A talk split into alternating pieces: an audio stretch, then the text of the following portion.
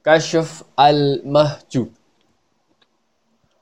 Musim gugur tiba dan daun-daun berluluan, namun taman cinta yang terhampar di jiwa Abdul Jalil justru dipenuhi bunga aneka warna yang menebarkan wangi dan membius penciuman mereka yang dimabuk asmara.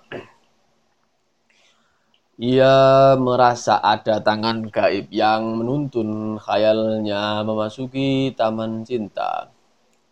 Ia menyaksikan keindahan demi keindahan yang menyelubungi citra nafsa disingkapkan sehingga mabuk dan tersungkurlah jiwanya di atas hamparan rumput keindahan.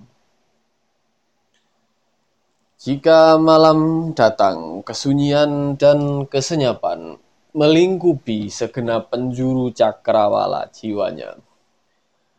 Keindahan taman cinta yang terhampar di jiwanya sering berubah menjadi gurun gersang yang dipenuhi pasir dan bebatuan.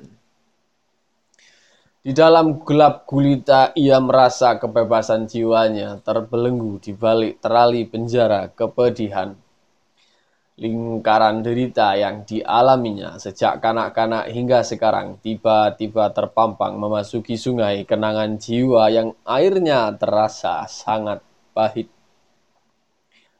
Pancaran citra keindahan nafsa yang memesona Abdul Jalil ternyata tidak memberikan makna apa-apa bagi harapan-harapan yang melintas di jiwanya, kecuali kepedihan yang getir dari hati yang merana. Belum pernah ia merasakan kepedihan seperti yang sekarang ini. Pangkal kepedihan itu terjadi ketika suatu sore, entah disengaja atau tidak, Ahmad At-Tawalud mengatakan pekan depan akan ada pesta sederhana mengundang para fakir, janda, tua, dan anak yatim untuk merayakan perkawinan putri sulungnya, Nafsa, dengan seorang saudagar bernama Haji Burrahman At-Takalluf. Untuk kali pertama dalam hidupnya, ia merasa kepalanya disambar petir yang ledakannya meluluh lantakkan ketegaran bukit karang hatinya. Ia merasa samudra darah yang menggelora di tubuhnya panas bagai kobaran api. Sesaat sesudahnya, samudera kesadarannya tersirap dalam kegelapan alam. Tubuhnya lemas bagai tanpa tulang, lidahnya keluh, matanya memandang hampa matahari angan-angan yang meledak di benaknya. Keringat dingin pun mendadak mengucur deras menyimbah tubuh. Ahmad At-Tawalud yang melihat perubahan pada diri Abdul Jalil menangkap Sasmita bahwa sahabatnya sedang mengalami fatarah. Padamnya api semangat yang menyertai pencarian ruhani. Dia tahu jika hal itu dibiarkan, maka sahabatnya akan hancur binasa di tengah perjalanan ruhaninya. Itu sebabnya dengan penuh kearifan dia mengungkapkan alasannya menikahkan putri sulungnya. Hajibur Rahman At-Takalluf, bakal menantuku, adalah kawanku yang usianya hanya selisih tujuh tahun denganku. Ia sangat tua disandingkan dengan Nafsa. Wajahnya juga tidak tampan. Saat ku beritahu Nafsa langsung menangis sedih. Namun kukatakan kepadanya, lebih baik kita mereguk kepedihan di dunia. Jika itu berakibat lahirnya keselamatan dan kebahagiaan kita di hadiratnya. Aku sadarkan nafsa bahwa selama kita hidup di dunia ini, hendaknya jangan mencintai sesuatu selain dia. Sejak awal, kita harus mengambil jarak secara kejiwaan dengan segala sesuatu di sekitar kita. Entah itu istri, suami, anak-anak, saudara, orang tua, rumah, benda, kekayaan, bahkan kebanggaan diri, jelasnya. Namun Tuhan, desa Abu dengan bibir bergetar. Bukankah dengan keputusan itu berarti Tuhan telah menyiksa hati putri Tuhan sepanjang masa? Bukankah Tuhan telah menjerumuskan putri Tuhan ke lembah derita yang tanpa akhir? Terserah penilaian orang atas apa yang telah kulakukan, kata Ahmad Atawalut. Aku memiliki alasan tersendiri. Abdul Jalil diam. Ia menelan air ludah, namun tenggorokannya terasa kering. Tahukah Tuhan kenapa aku menikahkan Nafsa dengan orang yang lebih tua? Tanya Ahmad atau Walud memancing. Abdul Jalil menggeleng lemah. Keputusan itu kutetapkan setelah aku yakin bahwa putriku diam-diam mencintai Tuhan. Begitu pula sebaliknya, kata Ahmad atau Lutukar. Nafsa mencintai saya, Nafsa mencintai saya? Abdul Jalil tersentak kaget. Ia rasakan kobaran api menggelora di dalam dadanya. Ya, jikalau demikian, kenapa Tuhan justru menikahkan putri Tuhan dengan orang lain yang tidak dia cintai? Sergah Abdul Jalil bertubi-tubi. Apakah Tuhan merasa hina memiliki menantu saya? Apakah karena saya orang Melayu yang sebatang kara? Apakah karena Tuhan tahu bahwa saya orang miskin yang tidak memiliki apa-apa di dunia? Aku tidak peduli apa pun, kata Tuhan. Tugas Ahmad atau menarik nafas panjang. Maksud utamaku adalah demi keselamatan putriku sekaligus keberhasilan Tuhan dalam meniti jembatan menuju dia keselamatan, keberhasilan? Tanya Abdul Jalil penasaran. Keselamatan apa yang Tuhan ungkapkan jika kenyataannya Tuhan justru menyiksa kehidupan putri Tuhan lahir dan batin? Keberhasilan apa pun yang Tuhan maksudkan jika kenyataannya Tuhan justru menorehkan luka tak tersembuhkan di hati saya? Aku tak peduli apa pun penilaian Tuhan, kata Ahmad Taulut datar. Aku tidak akan mengorbankan putriku menjadi sekutunya bagi Tuhan. Aku tidak akan menikahkan putriku dengan siapa pun yang telah dipilihnya menjadi kekasih, tetapi belum mampu menjaga kesetiaan kepadanya. Maksud Tuhan, Abdul Jalil terkejut. Tahukah Tuhan bahwa dia maha pencemburu Tahukah Tuhan bahwa dia tidak mau diduakan? Dan sadarkah Tuhan bahwa hati Tuhan sendiri sebenarnya belum utuh mencintainya? Bukankah hati dan pikiran Tuhan belakangan ini selalu terarah kepada yang selain dia, yakni putriku Nafsa? Tanya Ahmad Ahtawalut bertubi-tubi. Abdul Jalil terperangah dicecar pertanyaan demi pertanyaan. Secercah kesadaran memancar dari kedalaman hati dan pikirannya. Namun bagaikan burung patah sayap tanpa daya sedikit pun ia menyaksikan kesadarannya terbang ke langit luas meninggalkan dirinya terkapir kesakitan. Melihat sahabatnya tak berdaya, Ahmad At-Tawalud berusaha membangkitkan semangat dengan wejangan dan petunjuk. Tahukah Tuhan, kisah Ibrahim Al-Khalil, sahabat Allah yang sampai tua tidak dikaruniai putra?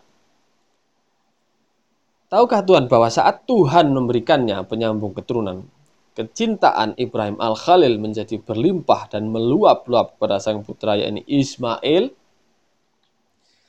Tahukah Tuhan apa yang diperbuatnya setelah menyaksikan keakraban dan kecintaan Ibrahim Al-Khalil terhadap putra tunggalnya tersebut?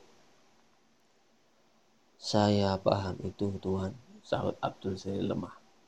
Ya, Allah menguji kadar cinta dan kesetiaan sahabatnya. Dan Ibrahim maupun Ismail mampu membuktikan bahwa di atas segalanya yang utama hanya Allah. Hubungan bapak dan anak pada hakikatnya tidak ada. Itulah puncak dari tauhid yang dikenal Ibrahim Al-Khalil dan putranya yang termaktub di dalam intisari La ilaha illallah. Tidak ada sesuatu bahkan ilah-ilah yang lain selain Allah.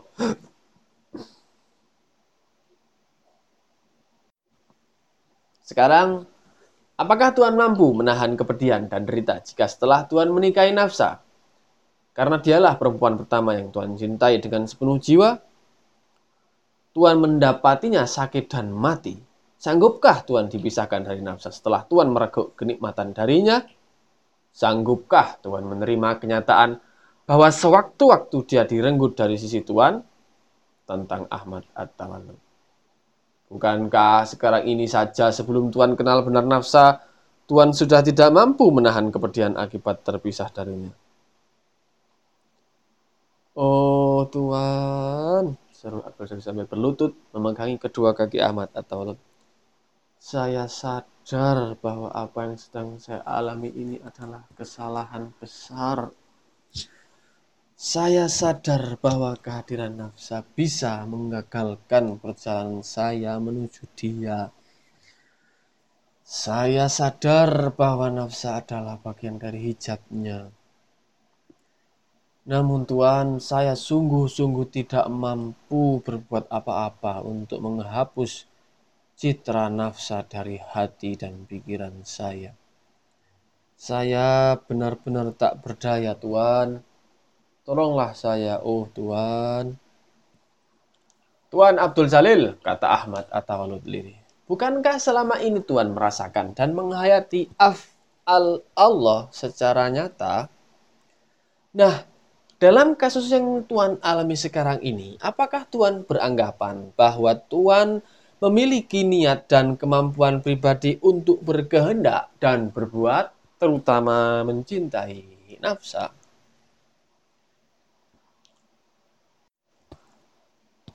Tidak. Oh Tuhan, kata Abdul Jalil pedih. Saya sadar bahwa saya tidak memiliki kemampuan apa pun. Sekarang ini saya benar-benar tak berdaya. Bahkan meminta tolong kepadanya pun saya seperti tidak mampu. Saya seperti sebutir debu di empas angin. Jika Tuhan sudah sadar akan apa yang sebenarnya sedang terjadi pada diri Tuhan, kata Ahmad atau tenang, maka Tuhan sebaiknya pergi ke Baghdad. Di sana Tuhan dapat tinggal di rumah saya. Saya tahu Tuhan tidak akan kuat menahan perasaan ketika harus menyaksikan nafsa bersanding di pelaminan dengan suaminya. Pemandangan itu akan meremukkan hati Tuhan saya akan mengikuti apa pun perintah Tuhan. Itu sangat baik Tuhan untuk menuju muaranya. Tuhan harus menjadi butiran air yang baik dan setia mengikuti arus. Bolehkah saya bertanya satu hal? Soal apa? Dari manakah Tuhan tahu jika nafsa putri Tuhan diam-diam mencintai saya? Ibunda saya yang memberitahu. Sebagai orang tua yang sudah berpengalaman, beliau menangkap isyarat yang terpancar dari kedalaman jiwa Tuhan saat bertatap mata dengan nafsa, yang diikuti oleh perubahan sikap Tuhan. Beliau tahu Tuhan diam-diam memendam rasa cinta kepada nafsa. Dan satu malam, lewat kata-kata halus penuh kebijakan, ibunda saya berhasil menggali perasaan nafsa. Apakah penjelasan ini penting bagi Tuhan? Apakah Tuhan masih berkukuh untuk menyimpan harapan dari selain Dia? Bukankah Tuhan harus bertobat? Saya paham Tuhan. Abdul Jalil menunduk dengan wajah memerah. Saya akan patuh kepada Tuhan sebagai pembimbing rohani saya dengan kepatuhan seperti mayat yang tak memiliki kehendak dan gerak sendiri. Saya pun pada hakikatnya tidak memiliki kehendak dan gerak sendiri. Semua adalah darinya semata. La haula la quwata illa billah.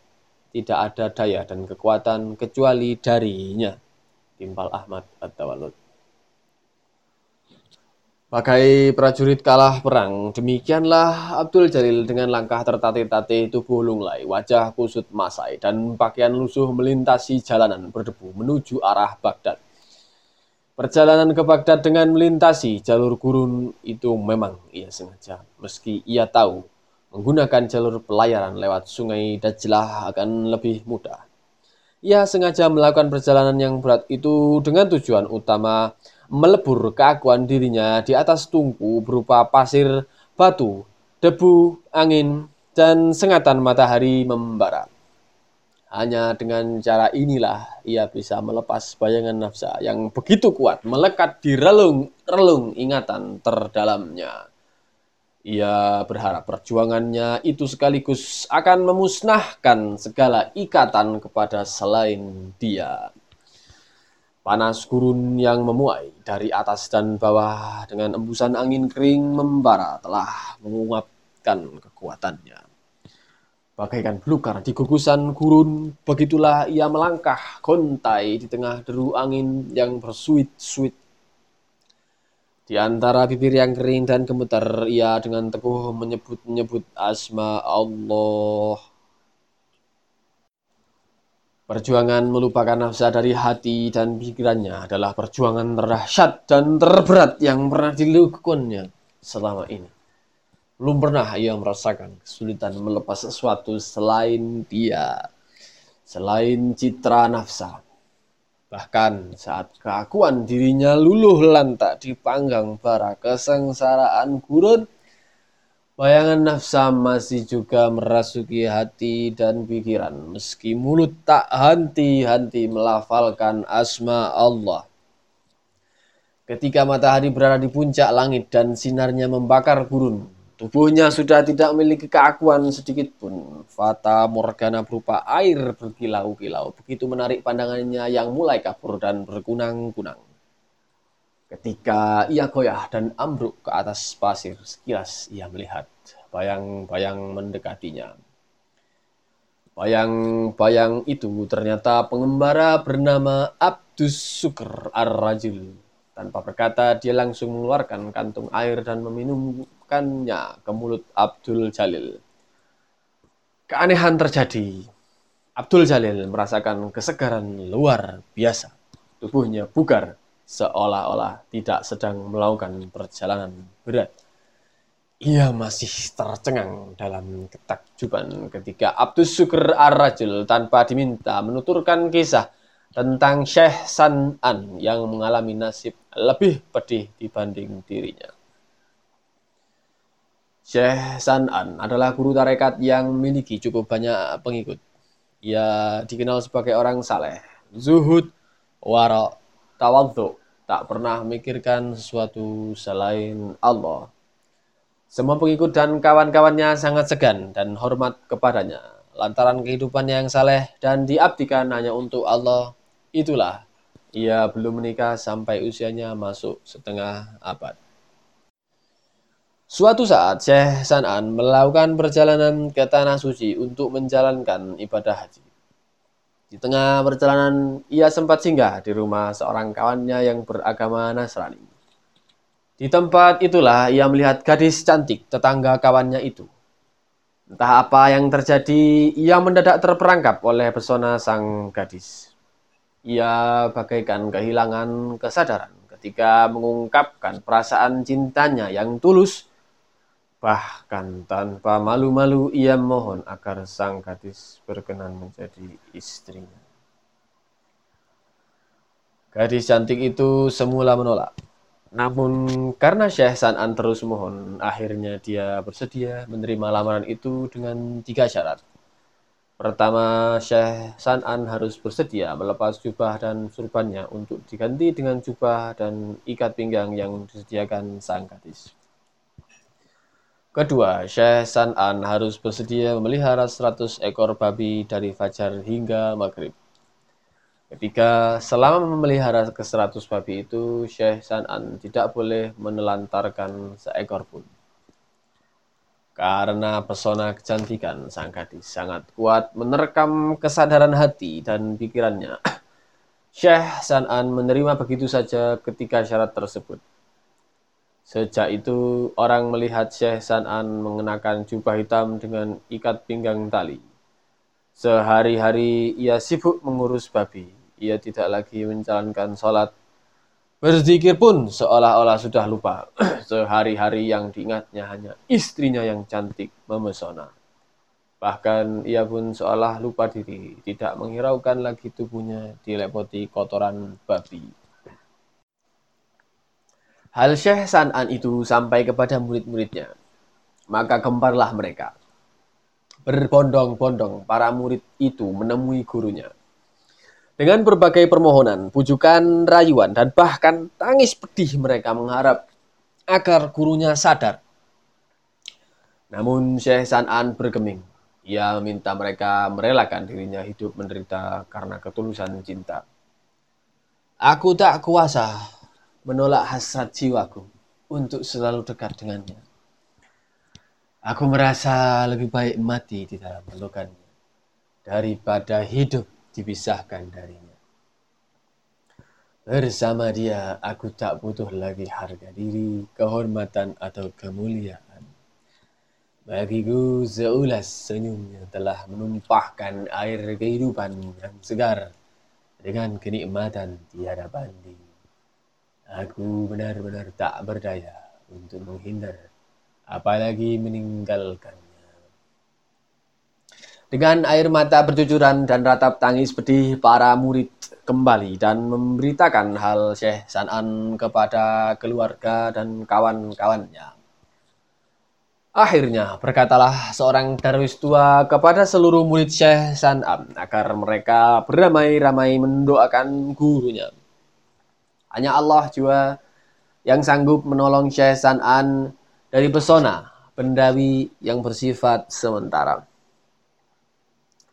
Berkat doa yang tulus dari murid-murid dan kawan-kawannya, Syekh San'an akhirnya sadar kepada istrinya. Ia menyatakan akan melanjutkan niatnya semula menunaikan ibadah haji ke tanah suci.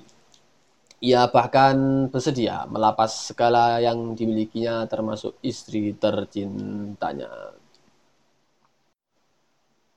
Istri Syekh San'an akhirnya menyerah. Dia bahkan berikrar meluk agama Islam dan ikut menunaikan ibadah haji bersama suaminya.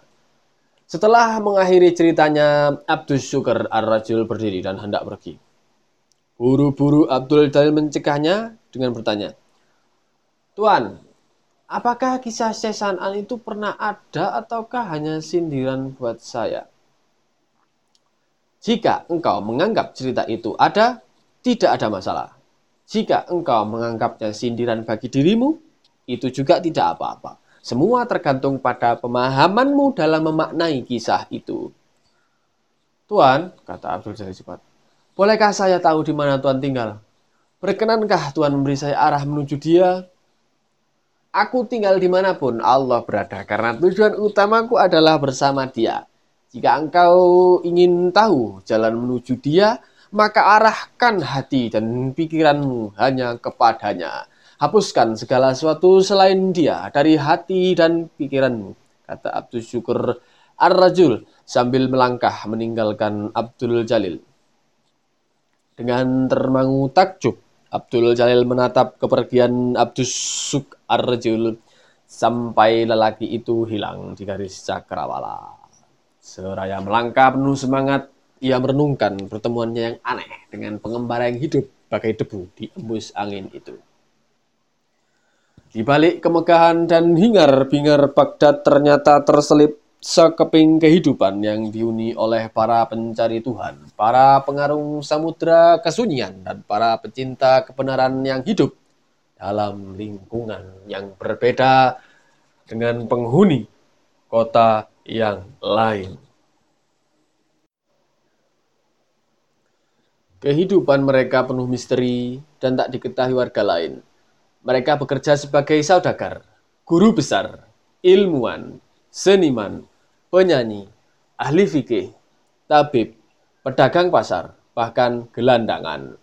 Mereka mengenal sesama mereka. Mereka berkumpul, berbincang-bincang, berbagai berbagi pengalaman dan sesudah itu bubar. Kembali ke kehidupan sebagai layaknya warga lain. Abdul Jalil mengetahui kehidupan orang-orang aneh itu secara kebetulan. ketika ia mengikuti pesta untuk para fakir janda tua, anak yatim, dan gelandangan yang diselenggarakan oleh Ahmad At-Tawallud. Pesta yang digelar sebulan sekali saat bulan purnama itu menurut Ahmad At-Tawallud bukan kelanjutan dari pesta memeriahkan pernikahan putri sulungnya. Pesta itu merupakan tradisi yang dilakukan sejak ayah dan kakeknya. Pesta semarak yang diikuti sekitar 100 orang itu menyuguhkan makanan dan minuman. Diramaikan pula oleh Al-Qawali, grup musik kenamaan di Baghdad yang dipimpin pemusik terkenal Ahmad Al-Qawwal dan yang mengejutkan penyanyi tersohor Baghdad Abdul Warid Al-Wajid hadir di pesta itu tanpa diundang. Kehadiran Abdul Warid Al-Wajid memang bukan untuk kali pertama. Sesungguhnya malam saat pesta itu digelar, dia sedang diminta menyanyi di rumah Abu Syar Az-Zulmi, seorang pejabat pemungut pajak. Padahal di pesta kaum fakir itu dia tidak dibayar. Saudara-saudariku para fakir yang dicintai Allah, Malam ini aku akan menyanyi untuk memeriahkan pesta yang mulia ini, menghibur saudara-saudari sekalian, menggembirakan tuan rumah. Semoga niatku ini diridai Allah. Sebenarnya malam ini aku harus menyanyi di pesta mewah yang dihadiri para saudagar dan pejabat kerajaan. Namun saat aku berada di tengah para tamu yang menunggu penampilanku, Aku melihat mereka sebagai orang-orang kaya yang matanya tertutup, kilatan dinar telinganya tersumbat, gemerincing emas mulutnya tersumpal bongkahan permata, telapak tangannya menggenggam erat tali kekikiran, dan hatinya disimbah tetesan liur serigala keuntungan duniawi yang tak pernah terpuaskan. Saat mataku menatap kerakusan mereka, menyantap makanan dan menenggak minuman sambil menikmati gerak para penari syahwat hatiku meronta dan maksaku agar pergi meninggalkan mereka. Hatiku berkata, orang-orang seperti itu tidak akan bisa mendengarkan lagu-lagu yang kunyanyikan. Telinga mereka sudah peka.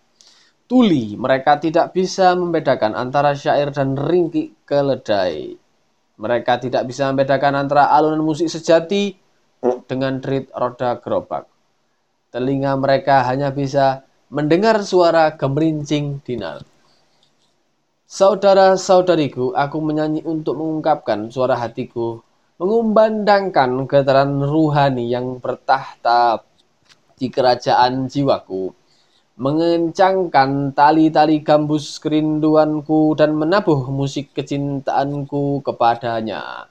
Karena itu, aku tidak mungkin menyanyi di pesta Abu Syar Az-Zulmi yang dihadiri oleh orang-orang tolol dan dungu, orang-orang kikir dan tamak, orang-orang sombong dan angkuh, orang-orang yang membabi buta mencintai dunia, orang-orang muja nafsu, dan orang-orang telinganya sudah ditulikan oleh hingar-bingar musik dan nyanyian kecintaan diri. Aku tinggalkan pesta kemewahan di kediaman Abu Syar Az-Zulmi karena aku yakin telah menyanyi di tempat yang keliru. Oh saudara-saudariku, aku memilih datang ke pesta yang agung dan mulia ini. Tempat para fakir yang dicintai dan mencintai Allah. Tempat di mana kedermawanan, kasih sayang, ketulusan, kesederhanaan, keheningan, dan keindahan diungkapkan dalam bahasa jiwa. Di sinilah di pesta kaum fakir inilah aku akan menyanyi.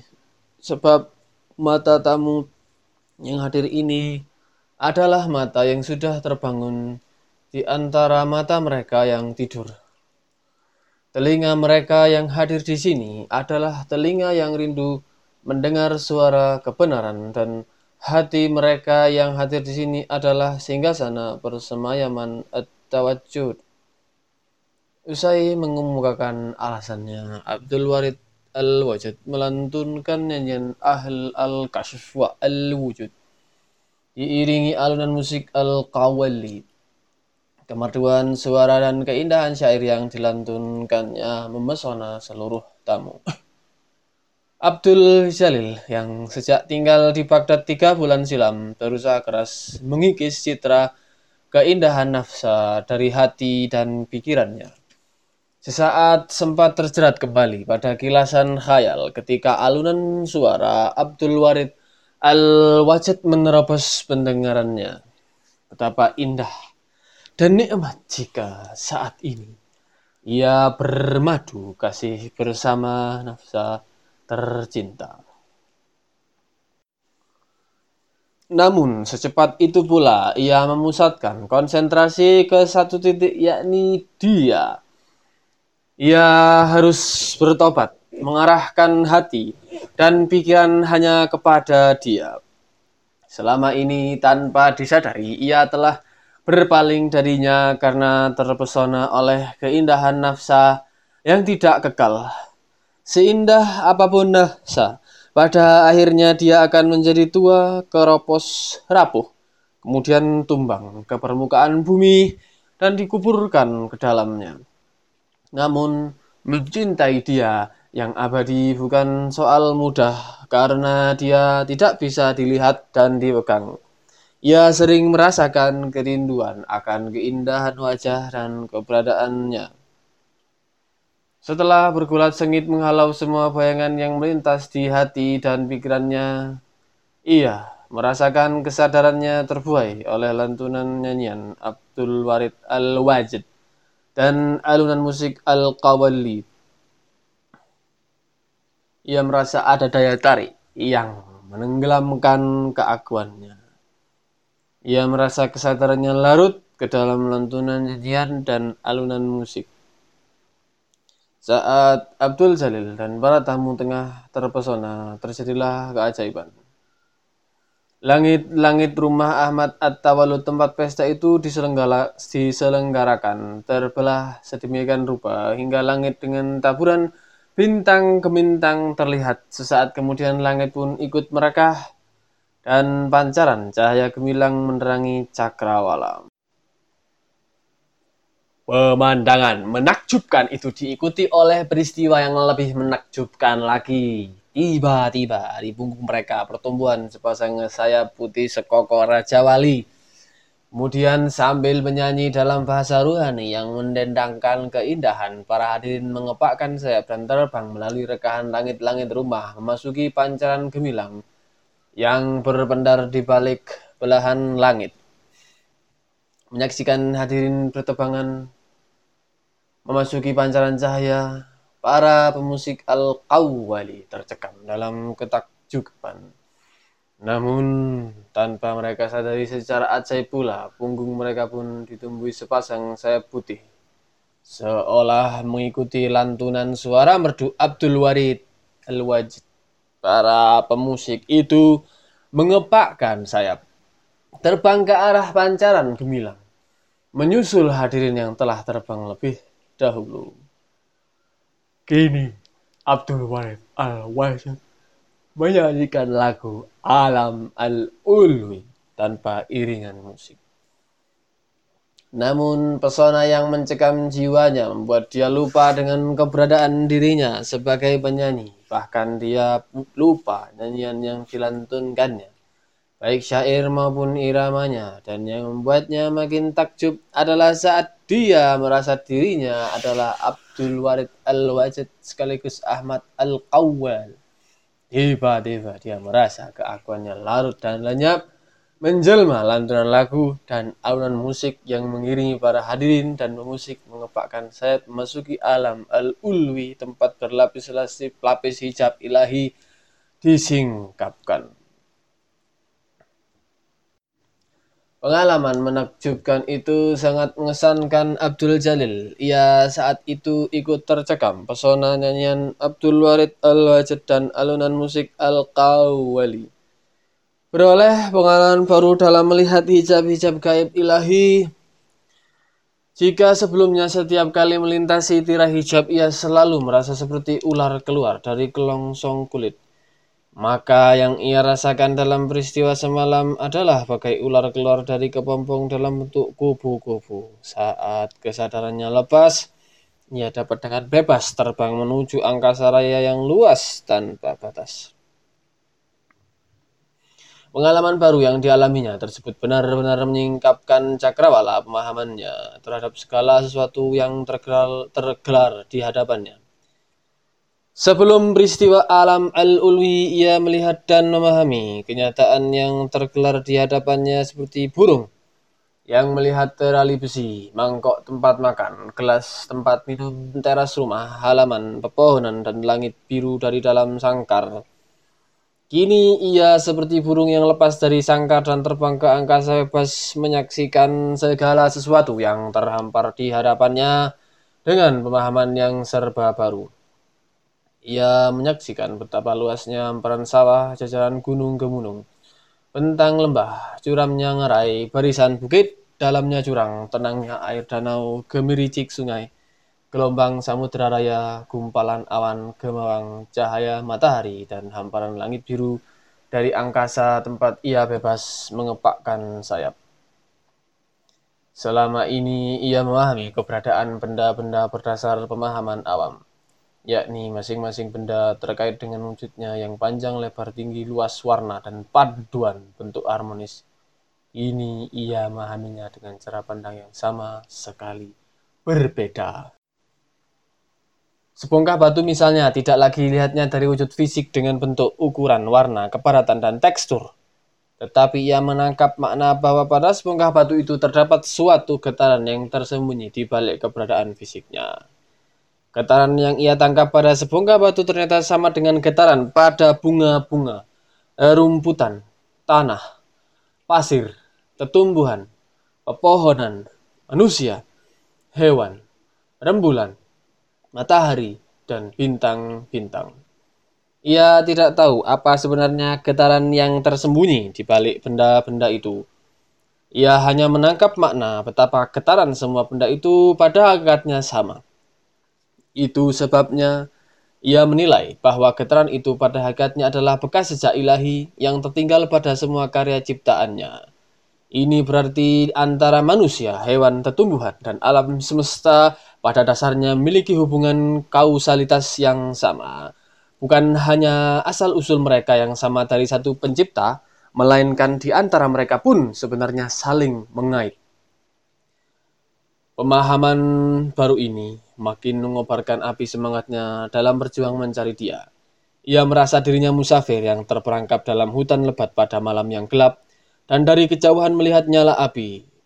Jika sebelumnya ia mencari jalan keluar dengan meraba-raba dalam gelap dan tidak mempunyai petunjuk arah yang pasti, kini ia mendapat arah baru. Ia mulai dapat memahami bahwa keberadaan segala sesuatu di sekitarnya bisa membantunya menjadi penunjuk ke arah nyala api. Abdul Jalil menyadari bahwa pemahaman baru ini pada dasarnya adalah awal belaka dari tersinggapnya hijab-hijab yang menyelubunginya. Ia yakin bahwa yang mengalami peristiwa ini bukan hanya dirinya. Di antara pencari, mungkin ada yang telah sampai pada nyala api. Baginya, persoalan nyala api adalah persoalan teguhnya, perjuangan sekaligus kehendaknya. Sebab ia belum tahu apakah antara dirinya dan nyala api itu hanya dipisahkan oleh hamparan rumput dengan beberapa batang pohon atau masih terdapat limbah, jurang, ngarai bukit, gunung, dan bahkan samudera raya. Hal itu disadarinya karena nyala api yang benderang di kejauhan itu sangat aneh sekali keberadaannya. Sekali waktu tampak sangat terang dan dekat, tetapi pada saat lain tiba-tiba menjauh Pernah suatu kali nyala api itu begitu dekat dengan penglihatannya, sehingga membutakan mata dan membuatnya tidak tahu arah.